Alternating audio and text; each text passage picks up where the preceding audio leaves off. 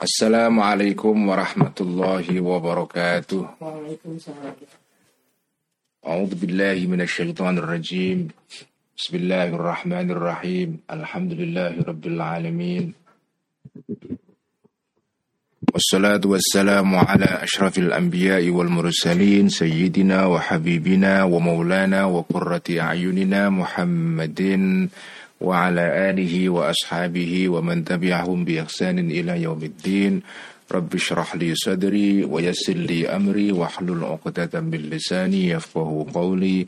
رب زدنا علما وارزقنا فهما. آمين يا رب العالمين. أما بعد Teman-teman semua, mari kita ngaji kitab Faisalut Tafriqah karya Imam Ghazali dan seperti biasa mari kita mulai ngaji kita dengan hadiah Al-Fatihah ila ruhi nabiyina wa syafiina Muhammadin sallallahu alaihi wasallam wa ila arwahil anbiya'i wal mursalin wa ila arwahil awliya'i wa syuhada'i wa salihin wa ila arwahil la'immatil mujtahidin wal muallifin wal musannifin khususan ila ruhi sultanil awliya' Syekh Abdul Qadir Al-Jilani wa ila ruhi sayyidut ta'ifa al-imam al-junad al-Baghdadi wa الإمام أبي الحسن الشاذلي والشيخ الأكبر محسن بن عربي وإلى روح صاحب الإخياء وفيصل التفرقة الإمام الغزالي.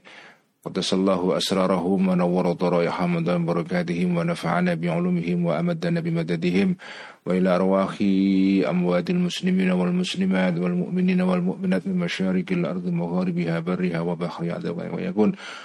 خصوصا أرواح مؤسس جمعية نهضة العلماء والجمعيات الأخرى. ونخص خصوصا روح حضرة الشيخ هاشم عشاري كي عبد الله حسب الله كي بشأن سوري كي خال بنغالان كي واحد هاشم كي عبد الرحمن واحد كي معصوم كي علي معصوم كي أسعد العارفين كي عبد الله سلام كي سال محفوظ. غفر الله ذنوبهم وستر عيوبهم ويعلي درجاتهم إلى أرواح آبائنا وأمهاتنا وأجدادنا وجداتنا ومشايخنا ومشايخ مشايخنا. وسنى روح أبيك عبد الله رفاعي وروح أمي نعي سلامة وروح أمي نعي فاطمة. وإلى سائر أرواح آبائنا وأمهاتنا وأجدادنا ومشايخنا ومشايخنا. شيء لله لهم الفاتحة. أعوذ بالله من الشيطان الرجيم. بسم الله الرحمن الرحيم. الحمد لله رب العالمين. الرحمن الرحيم مالك يوم الدين إياك نعبد وإياك نستعين اهدنا الصراط المستقيم صراط الذين أنعمت عليهم غير المغضوب عليهم ولا الضالين آمين بسم الله الرحمن الرحيم قال المؤلف رحمه الله تعالى ونفعنا به وبعلمه في الدارين آمين رب يسر وعين kita membaca kitab Faisalut Tafriqah halaman 91 uh, paragraf pertama ya. Asalisu an-nazaru. Teman-teman semua mohon maaf seminggu kemarin karena acara yang berlangsung luar biasa banyak sehingga saya tidak sempat ngaji. Jadi mohon dimaafkan uh, malam ini kita mulai ngaji lagi dan semoga seterusnya saya bisa lebih istiqomah tidak banyak prei ya. Karena memang jadwal saya akhir-akhir ini memang tidak garu-garuan ya Allah. Saya berusaha tetap ingin tetap istiqomah ngaji tanpa prei tapi ternyata kok ya susah itu. Uh, ya Allah. Tapi ya mari kita mulai ngaji lagi. Uh, jadi uh, kita akan apa membahas kembali uh, masalah syurutut takfir ya. Seperti sudah Anda ketahui kitab uh, Faisalut Tafriqah Bainal Islami wa Zandaqah ini adalah kitab tentang toleransi ya. Kitab tentang toleransi di dalam tubuh umat Islam. Pokok pembahasan kitab ini adalah tentang apakah boleh kita ini mengkafirkan sesama muslim ya kaidah dasarnya ya kita ini tidak boleh harus berhati-hati ya. Jangan uh, melakukan pengkafiran terhadap sesama muslim yang sholat menghadap Ka'bah ya. atau yang disebut dengan ahlul qiblah ya. Tidak boleh kita mengkafirkan sesama muslim dengan sembarangan. Nah, sudah diterangkan pada bagian yang lalu bagaimana eh, apa namanya bahayanya kita kalau mengkafirkan orang lain dan betapa apa ya eh, betapa makna iman itu ya itu tidak tidak sesempit seperti yang dibayangkan oleh sebagian orang. Sebagian orang mengira bahwa kalau orang itu tidak sepakat dengan saya dalam memahami Islam ya otomatis dia tidak mukmin, tidak beriman itu. Nah Al-Ghazali dalam kitab Faisal ini mencoba memperluas ya, melakukan ekspansi definisi. Ya. Jadi definisi iman itu diperluas oleh Al-Ghazali sehingga bisa mencakup banyak orang. Sehingga kita tidak mudah mengkafirkan. Nah, mengkafirkan itu dibolehkan asal memenuhi syarat-syarat yang yang ketat ya, yang ketat itu. Jadi boleh mengkafirkan tetapi syaratnya ketat sekali. Nah kemarin dalam dua minggu yang lalu kita sudah membaca syarat-syarat itu sampai eh, nomor dua. Sekarang kita memasuki syarat yang ketiga ya. Asalithu ay asyaratu salithu. Syarat yang ketiga adalah an-nazaru. Melihat, menelaah. Fi anna sahibal maqalati. Tentang bahwa orang yang memiliki pendapat tertentu yang ingin jenengan kafirkan itu. Itu hal tawataro. Apakah menjadi mutawatir? Indahu bagi sahibul maqala ini al-khabaru suatu hadis Au hal balago atau sampai sampai kahu kepada sahibul maqala ini al ijma'u ijma'nya para ulama. Jadi sebelum jenengan mengkafirkan orang dilihat dulu. Jadi intinya melihat dulu, direnungkan, di dipikirkan masa-masa ini. Kenapa orang ini kok berpendapat seperti itu? Ini kan orang mengkafirkan itu kan ada orang lain berpendapat mempunyai tafsiran tertentu terhadap ajaran Islam. Nah, pokok persoalan dalam seluruh pembahasan kitab ini, perkara mengkafirkan ini terkait dengan takwil sebetulnya. Jadi orang itu kan, kenapa sih sesama muslim itu kok mengkafirkan itu? Ya, kenapa itu masalahnya? Karena orang yang ingin dikafirkan itu, orang muslim yang mau dikafirkan itu, itu dia melakukan takwil itu. Jadi seluruh kitab ini pokok pembahasannya adalah soal takwil. Ada suatu kelompok, suatu golongan seseorang mentakwil ajaran Islam. Takwil itu artinya menafsiri suatu ajaran Islam tidak secara harafiah. Jadi makna sebuah ayat atau sebuah hadis itu dibelokkan dari makna lahirnya kemudian dijuruskan, diarahkan kepada makna yang tidak lahiriah, makna yang makna yang bersifat metaforis, ya, yang batin itu. Nah, itulah gara-garanya kenapa orang itu dikafirkan. Nah sebelum jenengan mau mengkafirkan orang itu telah dulu Apakah orang yang melakukan takwil itu Takwil terhadap sumber-sumber agama, bisa Quran, bisa hadis. Nah kebetulan kalau yang mau ditakwil orang itu berupa hadis, berupa khobar, ya, itu dilihat dulu hadisnya ini mutawatir atau tidak. Apakah orang yang melakukan takwil terhadap hadis bersangkutan, ya itu menganggap hadisnya itu mutawatir atau tidak, ya. Kalau orang bersangkutan beranggapan bahwa hadis bersangkutan itu tidak mutawatir, artinya mutawatir itu suatu berita, suatu hadis yang diriwayatkan melalui berbagai jalan atau sanat yang begitu banyaknya sehingga tidak mungkin bohong. Ya.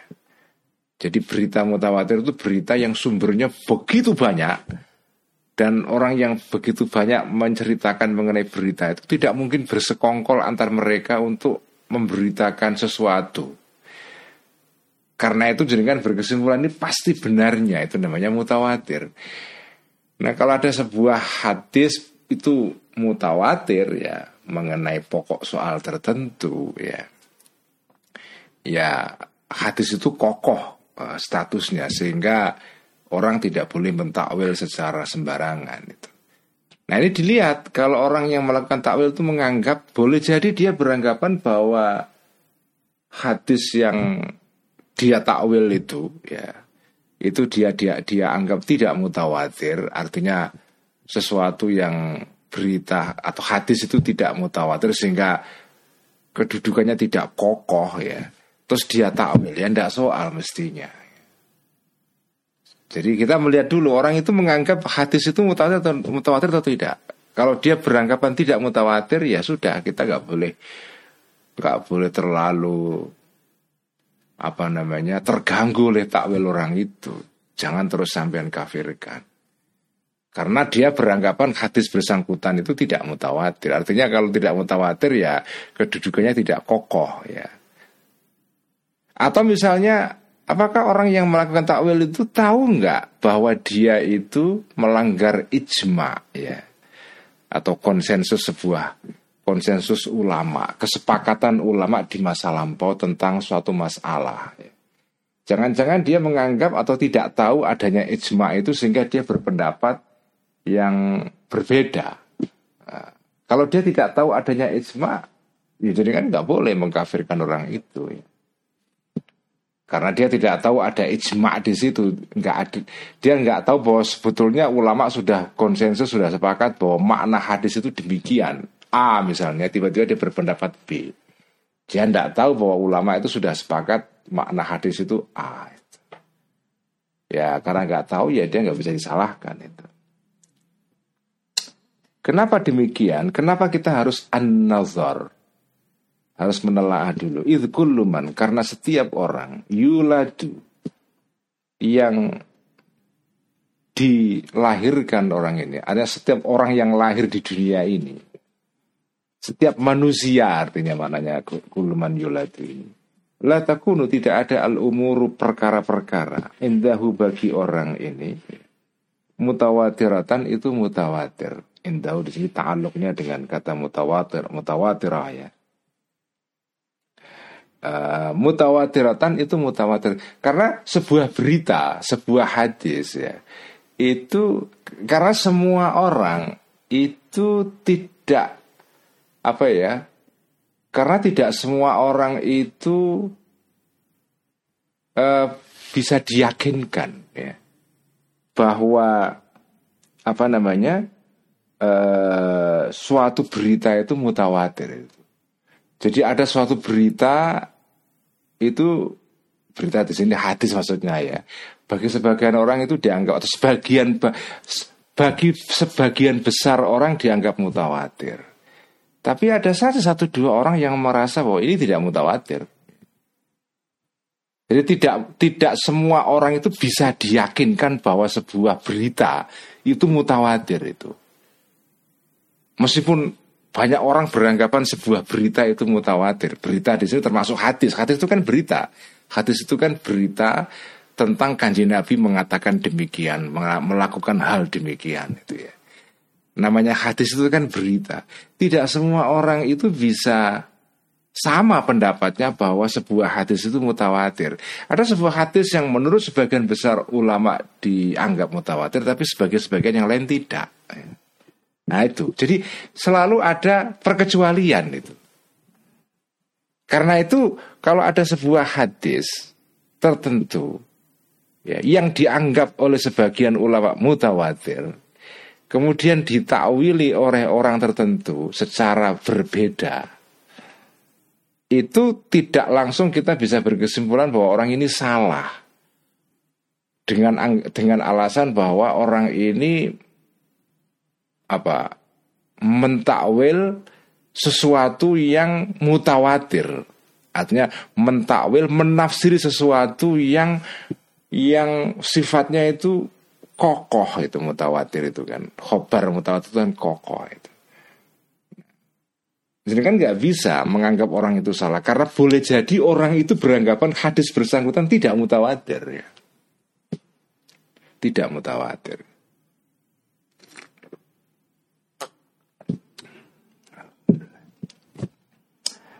Jadi itu alasannya ya. Jadi boleh jadi orang itu beranggapan bahwa hadis yang dia takwili itu dia anggap tidak mutawatir. Meskipun sebagian besar yang lain, ulama-ulama yang lain mengatakan itu mutawatir. Wala mawaqiul ijma'i. Dan tempat-tempat terjadinya dan tidak tempat-tempat terjadinya ijma'i wala takunu mawaqiul ijma'i ya Indahu bagi orang bersangkutan sahibul maqalah itu mutamayyizatan berbeda. Uh, apa namanya? Uh, bisa diidentifikasi ya, berbeda an mawadi'il khilafi dari tempat-tempatnya khilaf. Jadi boleh jadi misalnya tadi kan dikatakan sebelum jenengan itu mengkafirkan seseorang yang berpendapat yang melakukan takwil itu dilihat dulu apakah pendapat orang itu eh, apakah orang ini tahu tidak bahwa di dalam pokok soal yang dia takwili itu ada ijma. Boleh jadi dia tidak tahu bahwa ada ijma ulama, ada konsensus ulama di situ. Karena dia tidak tahu, dia berpendapat yang berbeda dengan para ulama-ulama sebelumnya. Jadi boleh jadi bahwa bagi orang bersangkutan Ya, dia menganggap bahwa pokok soal atau di dalam masalah yang dia takwili itu dia menganggap di situ tidak ada ijma bahwa di situ ada perbedaan pendapat ya.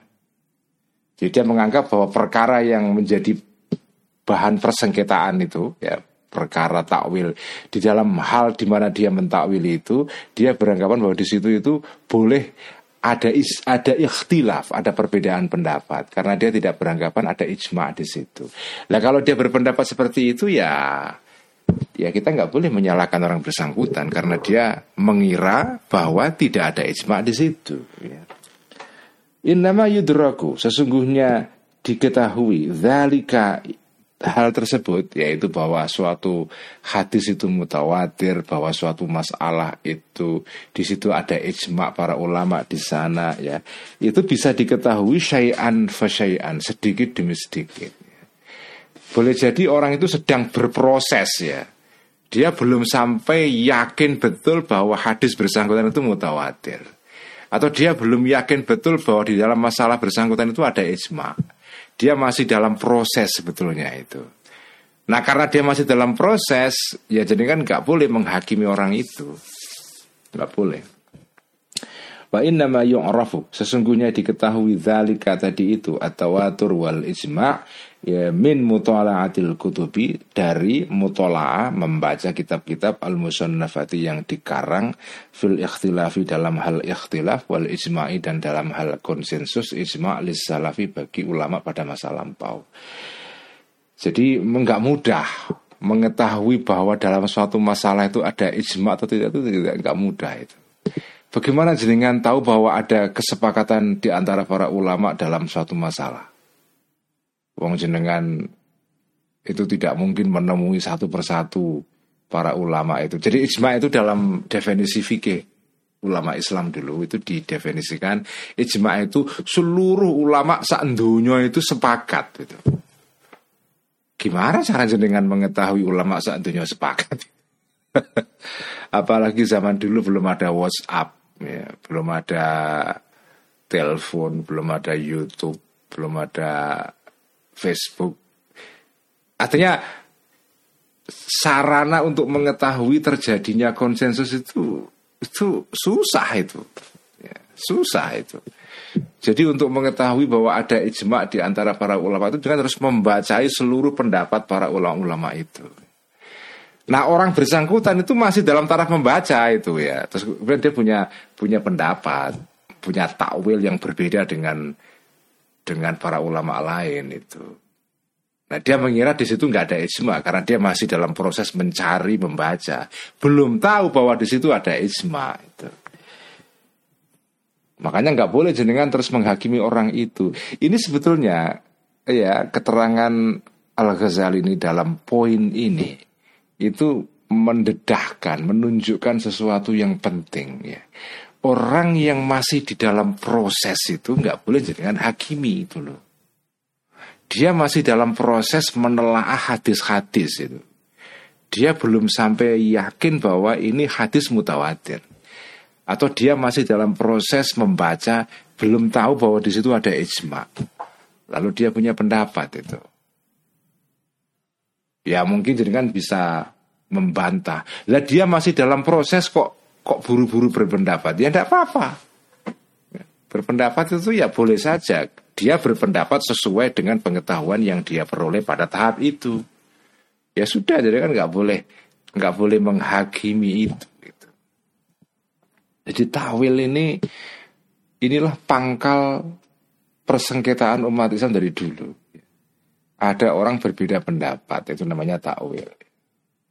Dikafirkan oleh kelompok lain yang tidak setuju. Itulah pangkal mula dari pengkafiran dari sejak zaman dulu.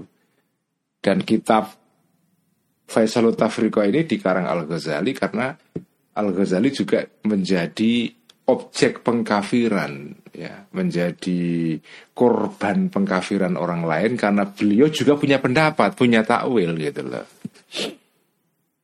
ya ya begitulah begitulah ya salah satu apa ya salah satu uh, apa namanya kekurangan dalam sejarah kita ini ya. Umat Islam ini sejak dulu itu uh, terjatuh kepada godaan mengkafirkan ini karena perbedaan takwil itu. Nah itu jangan sampai ya, jangan sampai terjadi hal seperti itu lagi. Itu. Tapi ya, ya tetap saja terjadi sampai sekarang ya sampai sekarang meskipun sekarang ini mungkin lebih mending ya ya lebih toleran lah umat Islam sekarang ini dibanding pada generasi yang dulu itu ya tetapi ya toleran di sebagian kelompok di kelompok yang lain ya toleransi itu tidak ada juga ya dan makin diperburuk karena karena teknologi komunikasi yang sekarang ini. Jadi orang sekarang ini kan begitu mudah mengetahui pendapat orang lain melalui teknologi modern ya entah entah apalah WhatsApp, Facebook atau Twitter atau segala macam. Kita sekarang ini kan berada pada era di mana orang itu mudah berpendapat, mudah menuliskan pendapatnya, pendapatnya mudah dibaca orang lain, orang lain mudah menghakimi pendapat bersangkutan sebelum membaca keseluruhannya. Inilah inilah problem masyarakat digital sekarang ini. Jadi orang mudah berpendapat dan mudah mengemukakan dan membagikan pendapatnya karena ada teknologi komunikasi yang begitu canggih, orang lain mudah membaca. Karena mudah membaca, kemudian mudah menghakimi. Kenapa mudah menghakimi? Ya karena karena pendidikan atau kemampuan analisa atau informasi yang dimiliki oleh orang-orang itu ya sebetulnya banyak yang nggak memadai, ya kan? Banyak orang yang sebetulnya kan tidak terdidik secara baik ya. Hanya dengan bekal pengetahuan yang sederhana kemudian dia berani melakukan penghakiman itu. Nah, inilah pangkal persoalannya itu. Nah, yang terjadi apa? Ya, mudah menghakimi, mudah mengkafirkan termasuk salah satunya. Karena apa? Karena ada orang yang berpendapat yang berbeda itu. Thumma kemudian tidak terjadi, tidak e, terjadi al ilmu mengetahui atau pengetahuan fidzalika di dalam hal tadi itu isma dan tawatur bimutola'ati tasnifin dengan membaca salah satu karangan watisnifa ini dan dua karangan. Ya, Gak mungkin dengan mengetahui bahwa sebuah hadis itu mutawatir atau ada ijma itu hanya dengan membaca satu dua buku. Orang sekarang jangankan membaca buku, kadang-kadang membaca informasi secara dangkal melalui Google, bukan buku, artikel di Google dibaca kemudian merasa sudah tahu suatu masalah terus kemudian dia menghakimi orang lain. Ini masih mending membaca satu karangan dan dua karangan. Ini enggak sekarang membaca satu artikel pendek itu. Lalu sudah berani menghakimi orang lain. Itu layak sulu karena tidak terjadi tawaturul ijma'i tawaturnya tawaturnya atau atau bertubi-tubinya apa namanya berita tentang adanya ijma. Jadi di sini tawatur itu adalah tawaturul khabari eh, apa itu eh, tawaturul khabari fi wujudil ijma'i. Maksudnya di sini tawaturul ijma'i itu fihi dengan eh, memutolaah atau eh, membaca ya tasnif atau tasnifaini tadi itu. Waqat sunnafa dan telah mengarang Abu Bakrin Al-Farisi. Imam Abu Bakar Al-Farisi ini seorang imam besar imam besar madhab Syafi'i ya. Uh, ini menarik. Abu Bakar Al-Farisi rahimahullah ya. Kitaban kitab fi masail ijma'i tentang masalah-masalah ijma'. Abu Bakar Al-Farisi ini adalah imam besar uh, apa namanya madhab Syafi'i di Baghdad dia ini muridnya Ibnu Suraj. Ibnu Suraj ini juga salah satu imam besar dalam madhab syafi'i. Ibnu Suraj itu muridnya seorang ulama besar yang lain. Namanya kalau nggak salah Abdul Qasim uh, Al-Baghdadi. Kemudian Abdul Qasim ini muridnya Imam Al-Muzani. Imam Muzani muridnya Imam Syafi'i. Jadi ini kira-kira apa ya eh, dari Imam Syafi'i jarak empat guru. Jadi Abu Bakar Al Farisi muridnya Ibnu Suraj, Ibnu Suraj muridnya Abdul Qasim, Abdul Qasim muridnya Imam Muzani. Hanya apa terpaut tiga guru ya. Imam Syafi'i, Imam Muzani, Imam Abdul Qasim Al-Baghdadi, Ibnu Suraj, kemudian Abu Bakar Al-Farisi. Jadi ini termasuk ulama generasi pertama dalam madhab Syafi'i yang hidup pada abad 4 Hijriah, jadi kira-kira 100 tahun sebelum Al-Ghazali. Nah ini Abu Bakar Al-Farisi ini mengarang kitab tentang ijma ya. Mengarang kitab tentang dalam masalah-masalah apa terjadi ijma di antara para ulama. Ya. Saya masih ingat tahun 80-an dulu ada sebuah kitab dalam bahasa Arab yang diterjemahkan oleh dua ulama kondang Pertama adalah Kiai Sahal, kedua adalah bapaknya Mbak Admin, Gusmus ya. Dua ulama ini pernah menerjemahkan kitab dalam bahasa Arab tentang Mausu' Mausu'atul Ijma, ensiklopedia Ijma. Terbit tahun 80 86 87 kira-kira tahun-tahun itulah ya. Nah, tapi sebelum itu ulama pertama yang mengarang mengenai tentang ijma itu adalah salah satunya Abu Bakar Al Farisi. Wa umkira dan di, nah ini Abu Bakar Al Farisi ini ngarang sebuah kitab tentang hal-hal di mana terjadi ijma di antara para ulama. Nah, entoh demikian ini ya entoh demikian wa ungkiro dan diingkari alaihi terhadap Abu Bakar Al Farisi kathirun banyak masalah minhu dari isma jadi Abu Bakar Al Farisi ini melis mendaftar masalah-masalah yang dianggap terjadi ijma ulama di situ. Tapi ulama yang lain tidak setuju. Oh enggak enggak ada ijma di situ ya jadi karangan Abu Bakar Al Farisi ini tidak disepakati oleh semua orang pada dasarnya. Ada yang ber, yang beda pendapat atau enggak kok. Menurut Abu Bakar Al Farisi ada ijma, menurut yang lain tidak. Artinya apa? Tidak mudah mengetahui adanya ijma itu. Makanya kalau ada orang melakukan takwil terus jenengan sangkal, oh sampean melawan ijma. Ijma yang mana? Jangan-jangan menurut orang bersangkutan tidak ada ijma. Lawang Imam besar Abu Bakar Al Farisi nulis kitab tentang ijma pun disangkal, dibantah juga oleh yang lain gitu. Wa dan di disulayani, disangkal ya. Abu Bakar Al-Farisi fi ba'd tilkal masail di dalam sebagian masalah-masalah bersangkutan. Apa ini apa intinya dari ini semua? Al-Ghazali memberikan kita warning, hati-hati. Hati-hati kalau menghakimi orang itu.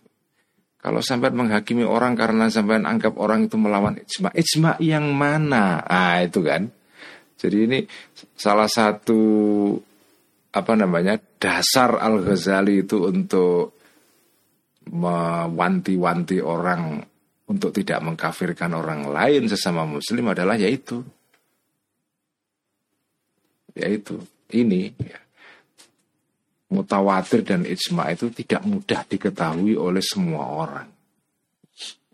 Faidan karena itu kesimpulannya maka dengan demikian man barang siapa khalafa yang membantah atau melawan ya, menyangkal orang ini al ijma terhadap ijma.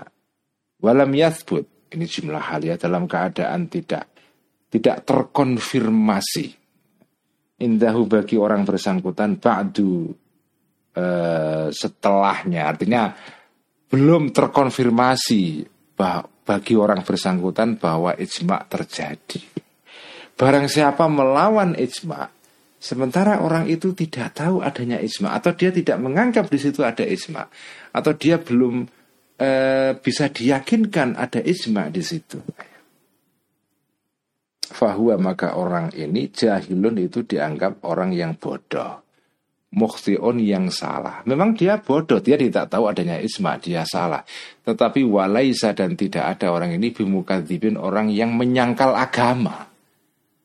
Karena itu tidak boleh dikafirkan. Karena intinya dalam definisi Al-Ghazali, intinya kafir itu adalah tidak percaya isinya Quran dan isinya hadis. Nah itu kan intinya kan itu. Kafir itu takzib intinya. Iman itu tasdik. Kembali kepada definisi iman dan kafir dalam bagian awal kitab ini. Iman itu percaya, kafir tidak percaya. Nah orang yang menyangkal ijma, dia melakukan orang yang melakukan takwil dan takwilnya berlawanan dengan ijma, itu dia tidak dianggap mukadzib. Artinya dia tidak boleh dianggap menyangkal agama. Tidak percaya agama itu tidak boleh. Ya dia boleh kita anggap salah atau dia bisa kita anggap tidak tahu adanya isma. Sekedar itu saja. Tapi kalau sampai terlalu jauh sampai menganggap orang itu takzib, menyangkal agama, nah, itu itu sudah kebablasan itu. Ya. Itu kebablasan itu.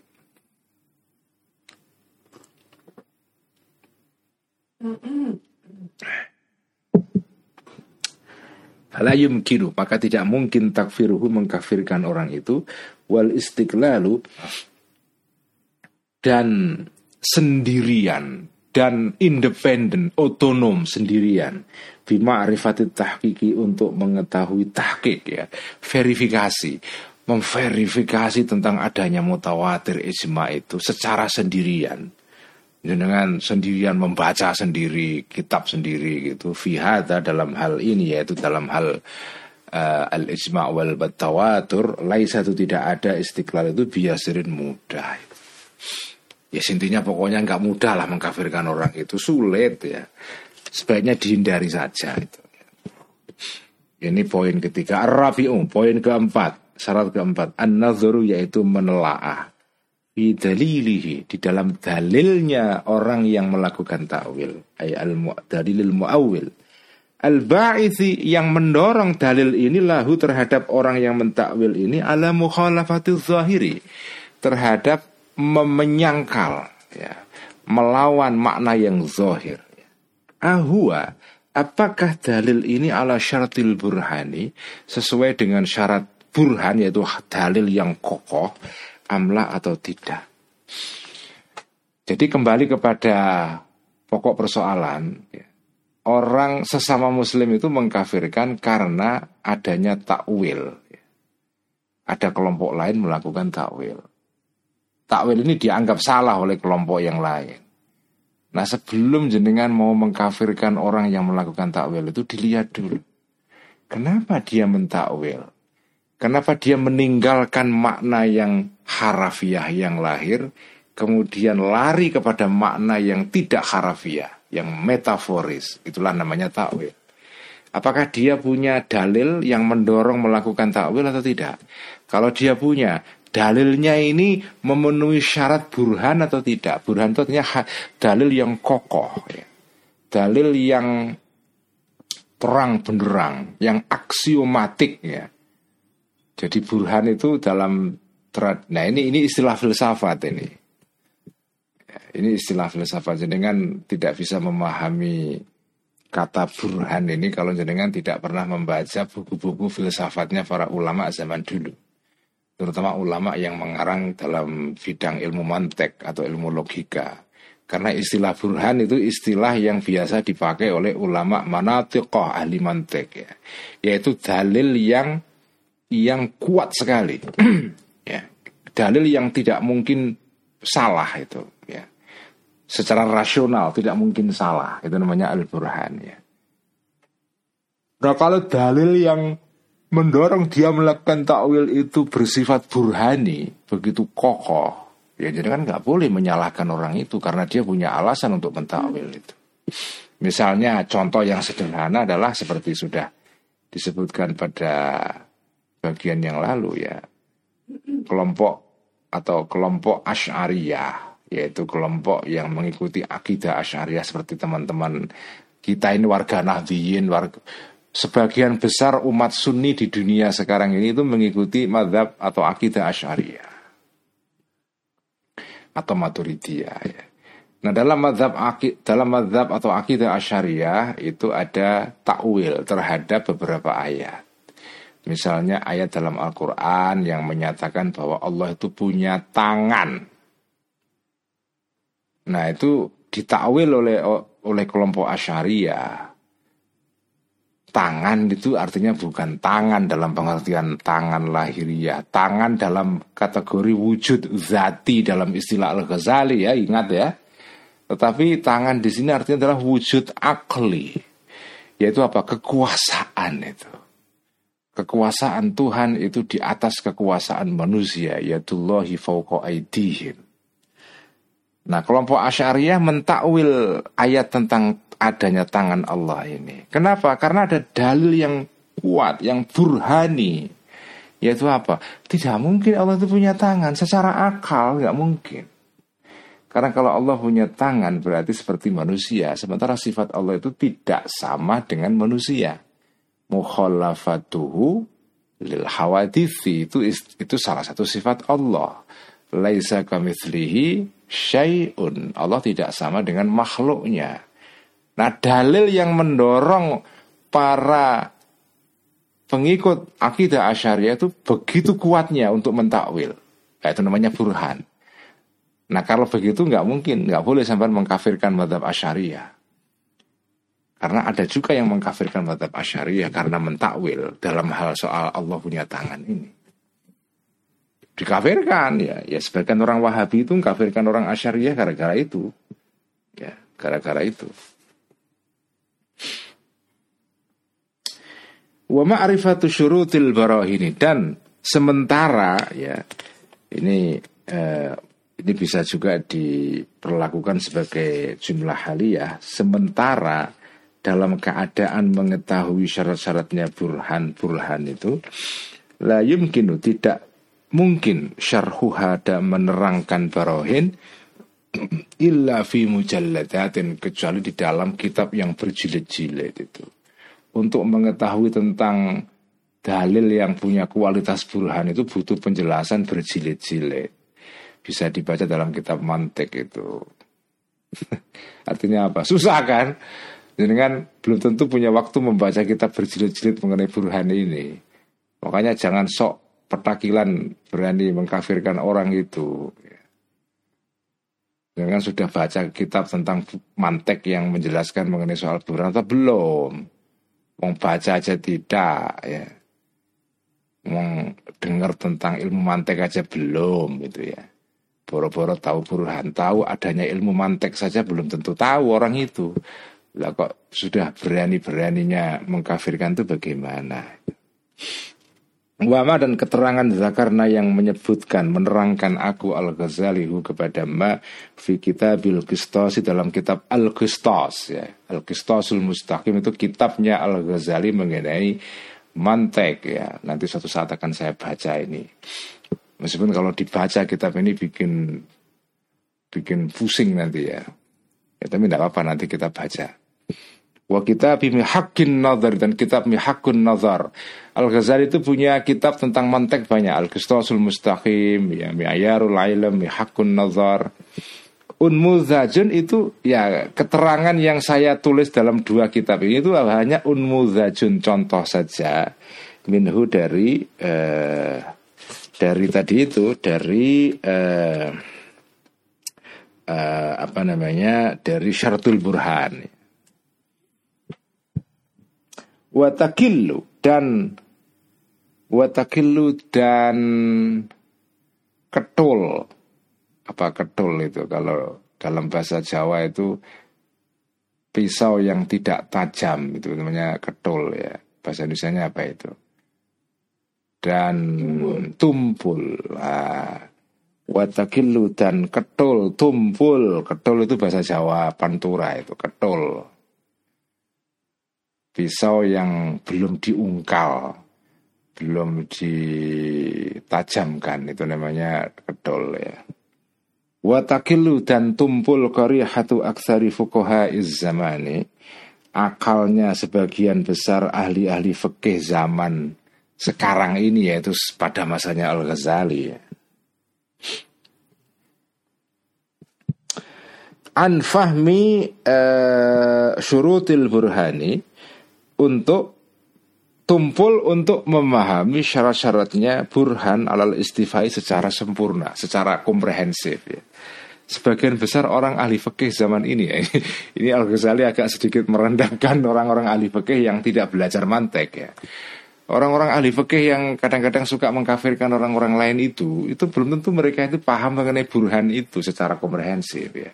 Karena akal mereka tidak nyampe. Takil itu tidak nyampe kan nggak nyampe. Ya. karena belajar ilmu ilmu rasional ilmu akli seperti ilmu mantek itu memang membutuhkan kecerdasan memang ya. Nah belum tentu para orang-orang sebagian besar ahli fikih itu paham itu gitu. Oh, ini agak memang agak sedikit tanda kutip sombong Al Ghazali ini ya Ya karena dia menjadi sasaran pengkafiran orang lain, jadi makanya dia agak sedikit marah itu. Ini ini nadanya agak tinggi kalau di sini ini ya. Belum tentu orang-orang itu pernah baca kitab mantek itu.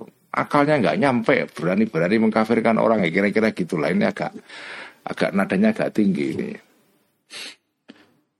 Wala buddha dan tidak boleh tidak min ma'rifati dzalika mengetahui hal itu tentang syurutul burhan. Kalau sampean mau mau men, mau berani menghakimi orang itu kafir, sampai harus menelaah dulu dalil yang mendorong orang itu mentakwil itu burhan atau tidak. Kategorinya burhani atau tidak. Untuk mengetahui burhani harus baca kitab mantek dulu yang banyak berjilid-jilid itu. Gak bisa tidak. Nah, mereka ini nggak nyampe akalnya kok nggak kira-kira gitu kan. Fa'inal burhana. Maka ses, karena sesungguhnya burhan Idhakana dalil burhan ini. Idhakana jika ada burhan ini Qatian pasti Ruh hisa Maka diberikan diskon Diberikan kemudahan Fit ta'wili di dalam ta'wil uh, Di dalam mentakwili. Wa ingkana walaupun ada takwil ini baik dan jauh. Jadi kalau Kalau suatu dalil itu ya dalil yang mendorong orang melakukan takwil itu kuat itu, maka maka orang itu dibolehkan mentakwil. Walaupun takwilnya itu jauh dari makna harafiahnya itu. Itu boleh, karena apa? Dalilnya kuat. Wa, in, wa yakun dan jika tidak ada burhan ini qati'an pasti lam yurakhas tidak tidak diperbolehkan illa fi ta'wilin kecuali di dalam ta'wil qaribin yang dekat sabikin yang yang apa itu mendahului yang cepat ya. Cepat sampai ilal fahmi kepada pemaham kalau dalil yang mendorong takwil itu tidak ini tidak kuat ya boleh mentakwili ayat atau hadis bersangkutan tapi takwilnya harus takwil yang koribun takwil yang dekat bukan takwil yang jauh dari makna lahiriahnya. Kalau dalilnya kuat boleh ditakwili walaupun jauh dari makna lahiriahnya. Nah ini kan ini kan keren banget ini. Jadi Al Ghazali membedakan kalau dalilnya itu kot'i burhannya kot'i boleh mentakwili walaupun takwilnya jauh. Jauh dari makna lahiriahnya. Tapi kalau kalau dalilnya itu tidak kuat, nih boleh mentakwili tetapi harus takwil yang korib. Takwil yang dekat. Jangan jauh-jauh dari makna lahiriahnya. Nah inilah, ini, ini pelajaran penting yang bisa kita dapat dari sini yaitu. Jadi harus harus hati-hati membeda-bedakan itu ya, menelaah dengan sungguh-sungguh sebelum menghakimi orang. Al-khamisu yang kelima, al-khamisu yang kelima, dalil yang kelima, syarat yang kelima itu adalah fi anna dzikratil kal maqalati. Sesungguhnya menyebutkan, menyebarkan atau menuturkan eh, pendapat bersangkutan yaitu pendapat yang mengandung takwil itu ya. Hal ya'zumu di, dilihat dulu hal ya'zumu apakah besar dororuhu bahayanya zikru tilkal maqala fid dalam agama amla atau tidak. Jadi takwil orang bersangkutan ya itu kira-kira membahayakan agama atau tidak. Karena kalau takwilnya itu di dalam hal-hal yang tidak bersentuhan dengan pokok-pokok ajaran agama yang paling fundamental ya, ya mestinya nggak usah dipersoalkan itu, nggak usah dipersoalkan. Jangan kan kan kecenderungan orang yang suka mengkafirkan itu kan nggak memilah-milah mau perkaranya itu perkara yang menyangkut pokok-pokok ajaran agama atau tidak, pokoknya kalau dia anggap salah ya kafir gitu langsung. Nah itu yang da, yang nggak dibolehkan. Ya. Al Ghazali menyarankan kita ini hati-hati. Kenapa demikian? Fa innama karena sesungguhnya sesuatu layak zumu yang tidak besar dororuhu bahayanya.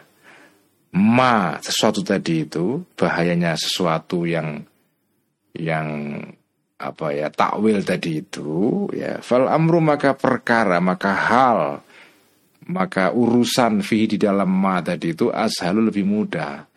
Jadi kalau takwilnya kelompok atau golongan tertentu itu tidak menyangkut pokok-pokok agama, tidak menyangkut dasar-dasar agama yang paling fundamental, sehingga tidak menimbulkan bahaya dalam hal akidah, dalam hal agama, ya mestinya kita toleran lah, ashal. Ya.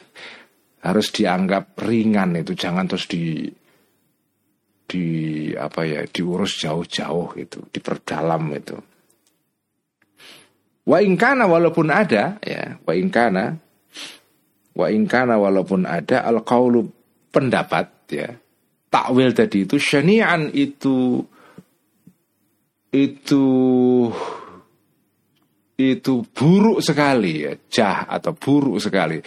Artinya pendapat takwilnya itu tidak ma tidak masuk akal itu. Syani'an itu buruk sekali. Wadhahirul butulani dan jelas batalnya, salahnya itu ya. Itu pun tidak boleh kita kafirkan itu. Karena apa? Karena nggak menyangkut pokok-pokok ajaran agama. Apa contohnya? Paulil muntazirati. Sebagaimana pendapatnya orang-orang Syiah yang berpendapat tentang intizar yaitu menunggu Imam Mahdi. Itu al-muntazirah. Ya kita tahu ya, Al-Ghazali ini adalah ulama pembela akidah Sunni. Dan lawannya pada zaman itu adalah ya kelompok Syiah, terutama Syiah Ismailiyah ya. Karena apa? Karena Syiah Ismailiyah pada zaman Al-Ghazali hidup itu berhasil mendirikan sebuah negara besar sekali di sampingnya negara Daulah Abbasiyah. Jadi ini kita nggak bisa memahami ini kecuali kita ngerti konteks hidupnya Al-Ghazali. Imam Ghazali itu adalah imam besar yang menjadi tulang punggungnya dalam hal akidah ya tulang punggungnya negara kerajaan namanya Bani Abbasiyah. Kerajaan Bani Abbasiyah ini berdiri pada abad 8 sampai abad 13. Jadi kira-kira ya apa namanya 5 abad. 500 tahun negara ini berdiri. Panjang sekali. Nah, Daulah Abbasiyah itu fondasi akidahnya adalah akidah Ahlussunnah wal Jamaah. Nah, di Daulah Abbasiyah ini, negara Abbasiyah itu pusatnya di kota Baghdad, Irak sekarang. Nah di sebelah utara bagian barat yaitu di Mesir itu ber, pada zaman yang sama ya meskipun agak sedikit belakangan berdiri negara lain yang cukup besar sekali dan kokoh yang merupakan rival atau lawannya Daulah Abbasiyah yaitu negara namanya negara Fatimiyah. Daulah Fatimiyah itu daulah negaranya negaranya Syiah Ismailiyah. Jadi negara yang dasar akidahnya adalah Syiah Ismailiyah. Salah satu peninggalan penting dari negara Fatimiyah ini ya Universitas Al Azhar sekarang ini itu dibangun oleh Daulah Abbas uh, Fatimiyah milik orang-orang Syiah Ismailiyah. Itu. Jangan lupa Al Azhar itu dulunya adalah universitasnya orang Syiah itu. Ya. Tapi kemudian ketika terjadi perpindahan perubahan politik, kemudian negara Fatimiyah ini runtuh digantikan oleh negara Sunni. Ya kemudian Al Azhar berubah menjadi apa perguruan tinggi Sunni itu. Tapi dulunya ini perguruan tinggi Syiah ini, Syiah Ismailiyah. Syiah itu banyak, ada Syiah Ithna Asyariyah, ada Syiah Zaidiyah, ada Syiah Ismailiyah. Macam-macam, banyak sekali. Sebagaimana orang Sunni juga terbagi dalam banyak kelompok kan, ya sama lah. Ya begitulah sunnatullah itu ya. Hukum Tuhan itu ya begitu. Makhluk itu bermacam-macam. Yang tunggal hanya Allah. Yang wahdah itu hanya Allah. Selain Allah itu kasrah. Ya, banyak. Multiplicity. Itu salah satu ciri khas ciptaan atau makhluk itu adalah multiplicity. Multiplicity. Multiplicitas. Multiple. Banyak itu ya. Kasrah. Ta'adud ya. Itulah cirinya makhluk ya. Kalau makhluk itu tunggal itu menyalahi hukum Allah itu. Makanya makhluk itu sifatnya adalah selalu selalu mengalami keragaman ya. Ya, contohnya manusia inilah dari suami istri, ayah, ibu, lahir anak. Eh, ayah ibu itu itu sudah banyak itu, tapi banyak yang sederhana hanya dua.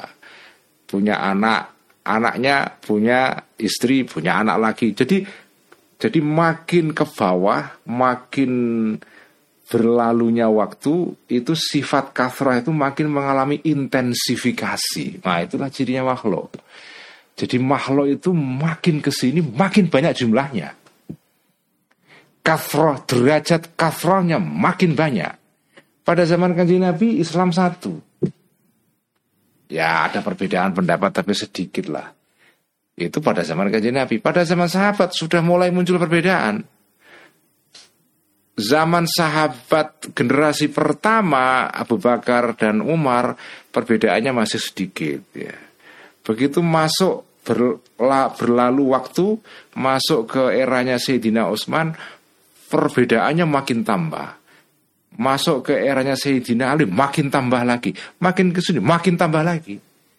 Jadi ciri khas makhluk Allah itu makin tambah panjang umurnya, makin tambah jumlahnya. Artinya derajat keragamannya makin banyak. Makin tambah waktu, makin bertambah keragamannya. Jadi tambahnya waktu berkorelasi positif dengan naiknya derajat keragamannya. Nah, orang-orang Syiah yang al-muntazirah ini kembali kepada keterangan kitab ini yaitu orang-orang Syiah yang berpendapat bahwa nanti imam mereka yaitu Imam Mahdi itu ya, itu nanti akan akan muncul lagi pada akhir zaman. Jadi ini ini akidahnya orang Syiah Ifna Asyariyah ya.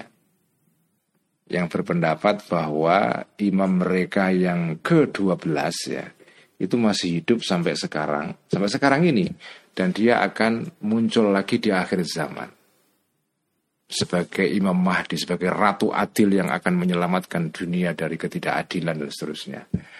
Nah ini adalah, orang yang muntazira, orang yang menunggu adanya Imam Mahdi. Nah apa pendapatnya Al-Muntazirah ini? Innal imama sesungguhnya imam yaitu Imam Mahdi di sini, Imam Muhammad namanya uh, Al-Askari ya, itu imam ke-12 dalam madhab Syiah Ithna Asyariyah yang yang dipercayai mereka ini Imam Imam Mahdi ini uh, itu masih hidup. Cuma dia bersembunyi. Mukhtafin itu bersembunyi. Fi sirdabin di dalam sirdab, di dalam apa ya bunker di, di bawah tanah itu sirdab ya. Wa innahu dan sesungguhnya imam ini yuntazaru akan ditunggu khurujuhu keluarnya imam ini di akhir zaman nanti. Ini pendapatnya orang Muntazirah, imam imam pendapatnya orang-orang Syiah yang menunggu ratu adil. Nah, pendapat seperti ini bagi orang Sunni itu itu dianggap pendapat yang yang tidak masuk akal. Ya namanya akidah kita nggak bisa menyalahkan ya, ya itulah akidahnya orang Syiah. Nah bagi Al Ghazali akidah seperti ini itu akidah yang yang zahirul butulan yang jelas salahnya. Tetapi tidak boleh kita mengkafirkan orang Syiah karena punya pendapat seperti ini. Nah ini, ini lepas dari jenengan setuju atau tidak setuju dengan pendapatnya Imam Syah, Imam Ghazali di sini, terutama teman-teman Syiah sudah pasti nggak setuju dengan pendapatnya Al Ghazali. Tetapi yang penting bukan soal Al Ghazali berpendapat bahwa Al Mahdi itu ide Al Mahdi itu tidak masuk akal, ya. nggak penting itu. Yang penting adalah yang penting adalah Al Ghazali tidak boleh tidak membolehkan mengkafirkan orang Syiah gara-gara punya pendapat tentang adanya Imam Mahdi di akhir zaman itu. Tentang adanya imam yang bersembunyi dan nanti akan lahir di hari akhir itu.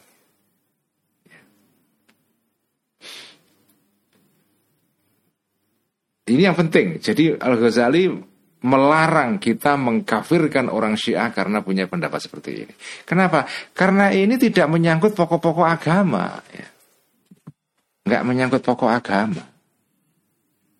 Fa'innahu karena sesungguhnya pendapatnya Al-Muntadhirah ini Qaulun pendapat kadhibun yang bohong Zahirul butlani yang jelas salahnya Syani'un yang Yang buruk sekali Jidan sekali ya Walakin tetapi la darara Tidak ada bahaya itu maujud Fi di dalam al-qaul ini. Alat dini bahaya terhadap agama. Innamad dararu sesungguhnya bahayanya itu hanya alal ahmaki terhadap orang bodoh al mu'taqidi yang bertekad meyakini lidzalika kepada adanya tadi itu uh, adanya apa namanya uh, khurujul imam atau ikhtifaul imam itu ya atau lidzalika kepada qaul tadi itu idh yakhruju karena keluar Eh, karena jadi pendapatnya sendiri itu tidak membahayakan agama. Ya, tidak membahayakan agama karena ini tidak tidak menyangkut pokok-pokok pokok-pokok akidah agama soal Imam Mahdi ini. Yang yang menjadi korban dari pendapat ini justru orang bersangkutan.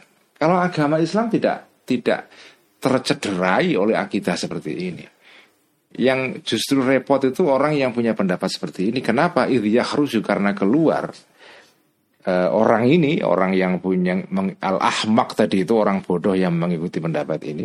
Kulayaumin setiap hari min baladi dari negaranya orang bersangkutan dari desanya orang bersangkutan listiqbalil imami untuk menyambut kedatangan imam yang imam Mahdi yang bersembunyi ini. Hatta yadkhula sehingga masuk orang ini wayarji'a dan kembali orang ini ila baiti kepada rumahnya orang bersangkutan khaiban dalam keadaan kecewa karena dia tidak menjumpai imam yang dia tunggu-tunggu itu. Setiap hari dia keluar mencari imamnya yang dianggap bersembunyi dan akan keluar itu. Wahada dan ini misalnya hanya sekedar contoh ya.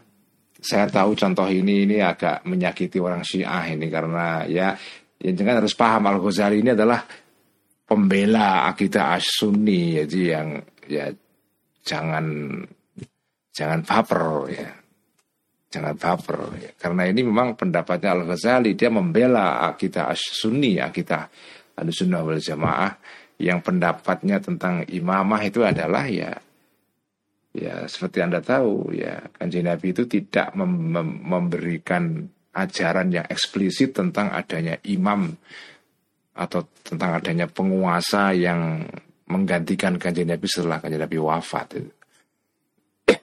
Kanjeng Nabi tidak menunjuk secara eksplisit siapa penggantinya. Pendapat ahli sunnah wal jamaah, imam setelah kanjeng Nabi dipilih secara demokratis, secara terbuka. Ya. Itu pendapat Sunni, pendapat Syiah lainnya monggo nggak apa-apa ya perbedaan pendapat itu.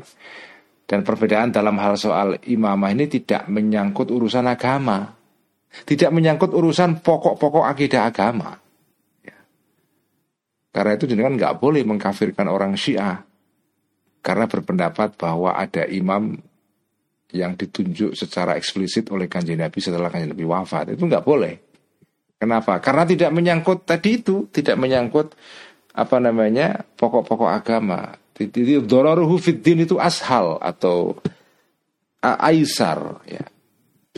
Bahayanya pendapat tentang imamah itu tidak tidak terlalu besar kepada agama karena tidak menyangkut pokok-pokok akidah agama.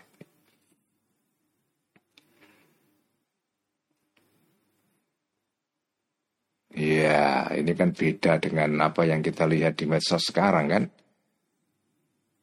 Uh, Syiah dianggap bukan Islam.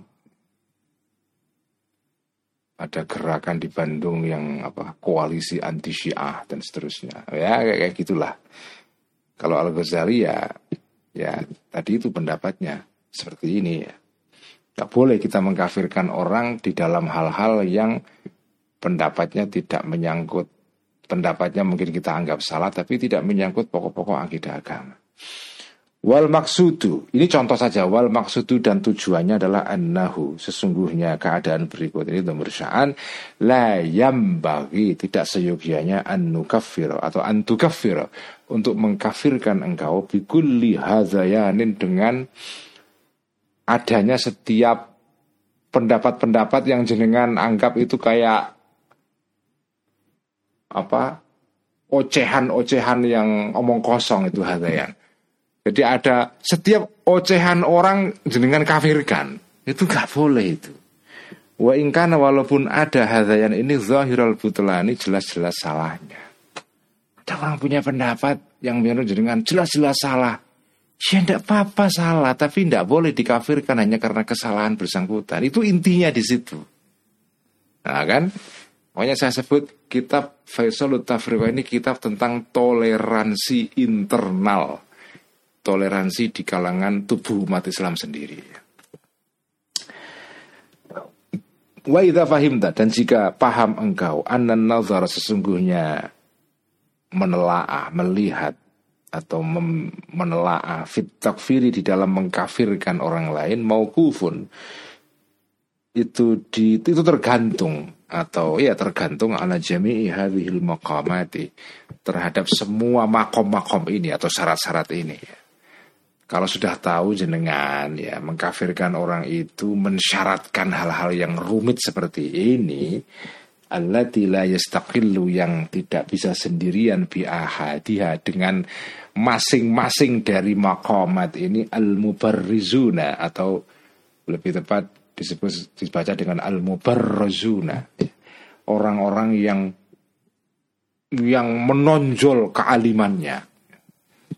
Orang yang alim pun tidak mungkin bisa apa ya?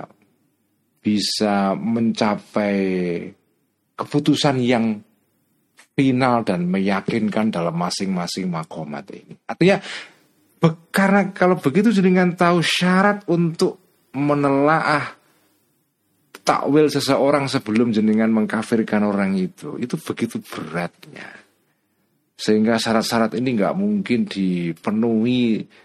Bahkan masing-masing syarat itu sendiri nggak mungkin dipenuhi oleh orang yang paling alim sekalipun. Apalagi seluruh syaratnya. Satu syarat saja.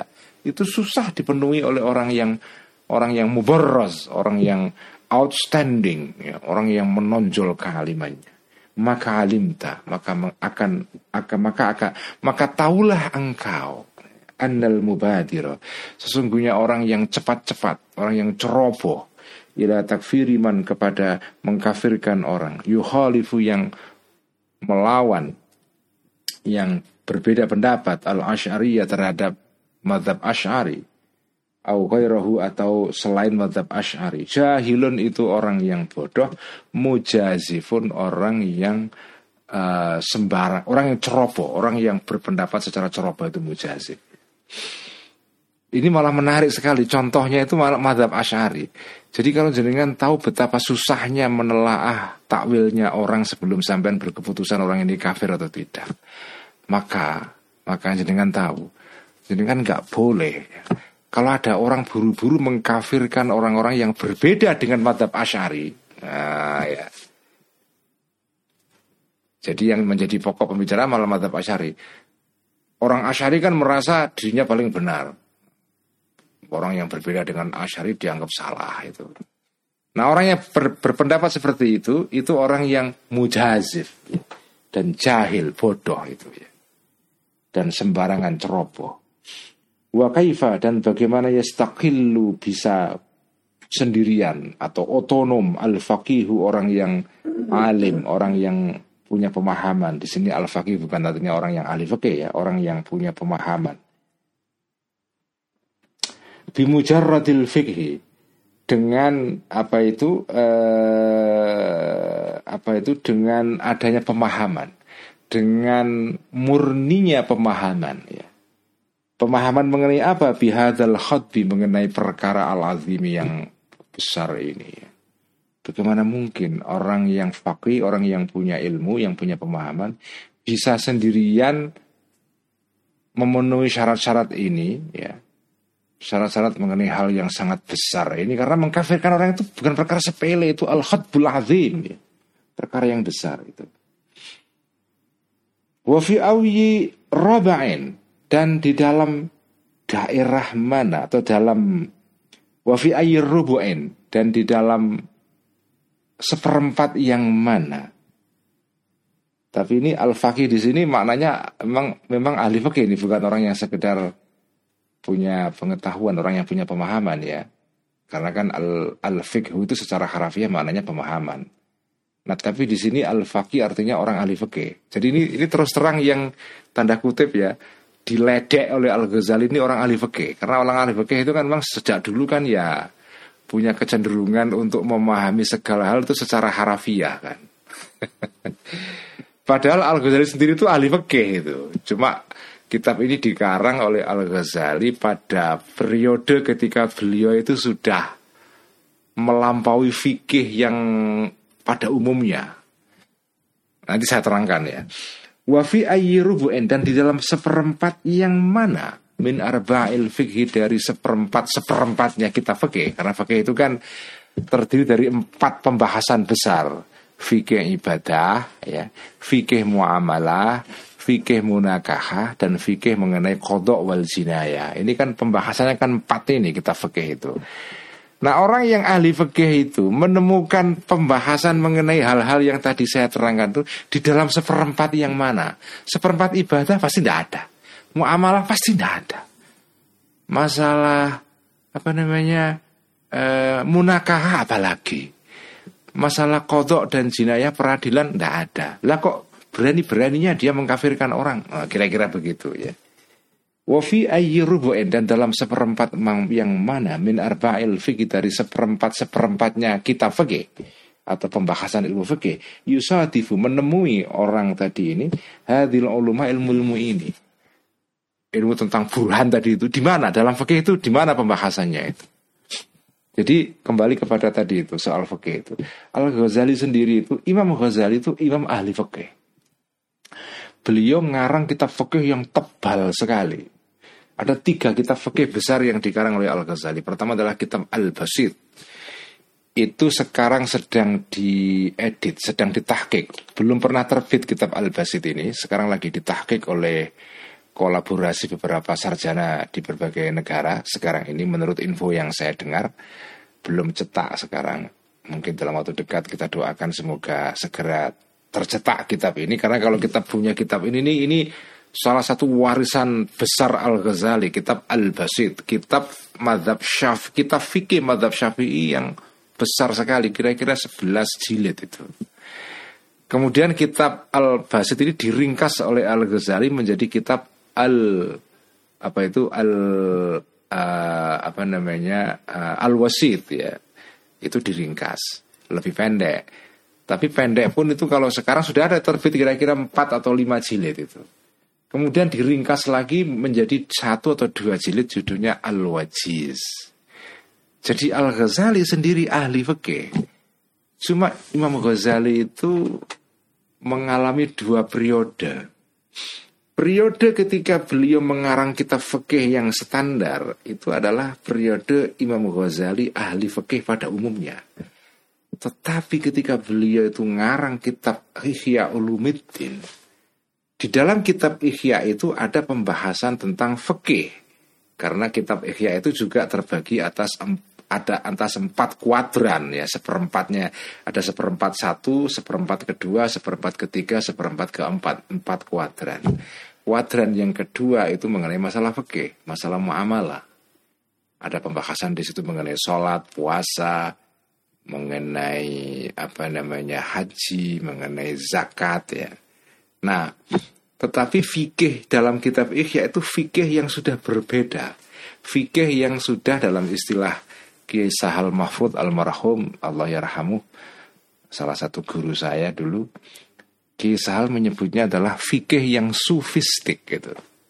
Fikih yang sudah berbaur dengan tasawuf.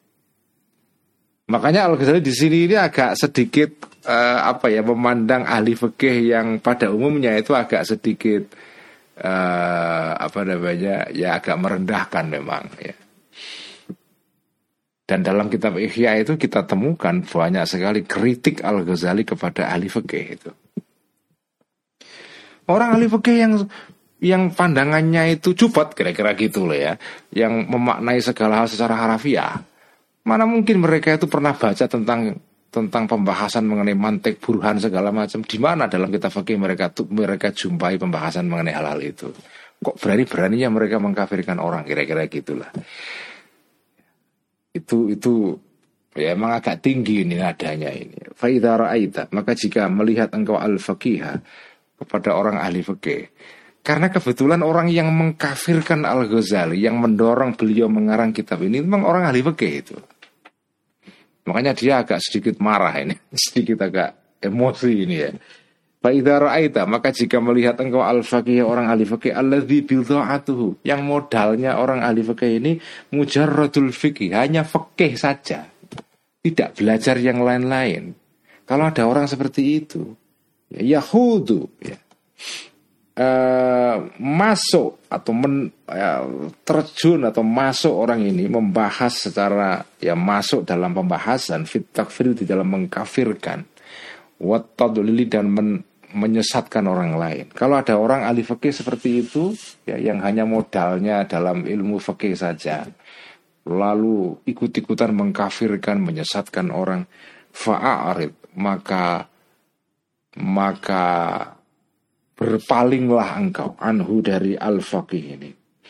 Wala tushghil dan jangan jangan menyibukkan engkau bihi eh, terhadap orang ahli fikih seperti ini kol baka hatimu walisanaka dan lisanmu. Udah, kamu pergi saja, nggak usah diurus orang itu. Karena modalnya hanya baca fikih saja. Nah kalau sekarang modal fikih aja enggak, sudah berani mengkafirkan. Fikih saja tidak, lebih parah lagi. Fa'inna tahadiyah karena sesungguhnya menantang.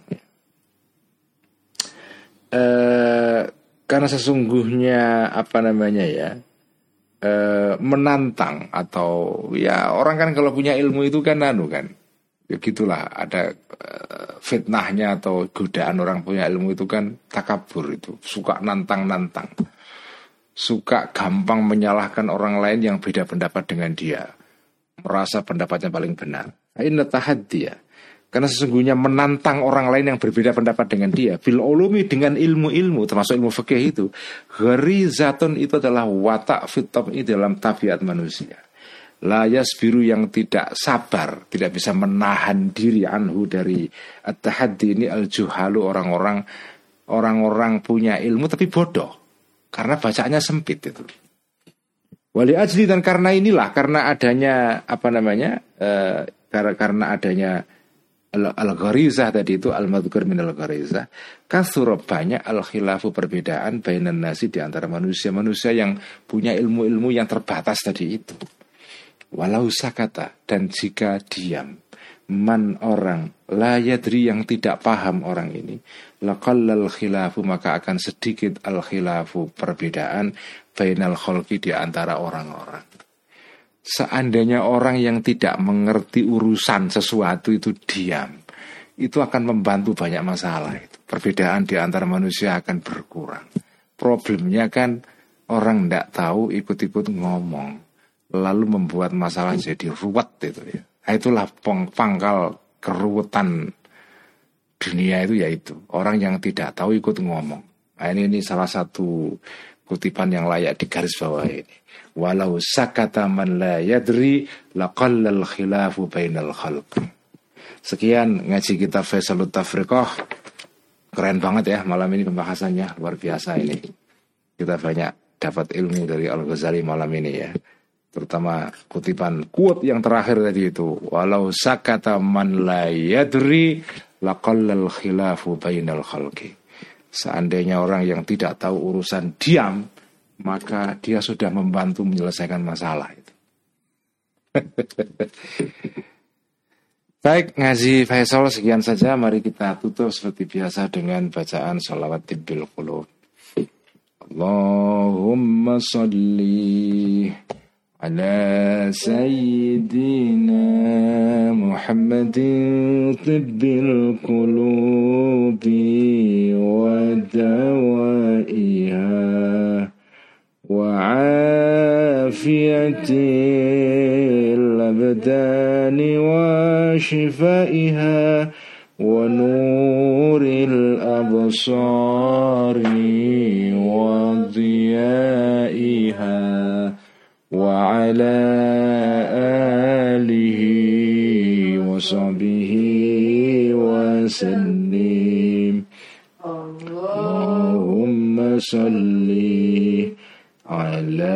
سيدنا محمد طب القلوب ودوائها وعافية الأبدان وشفائها ونور الأبصار وضيائها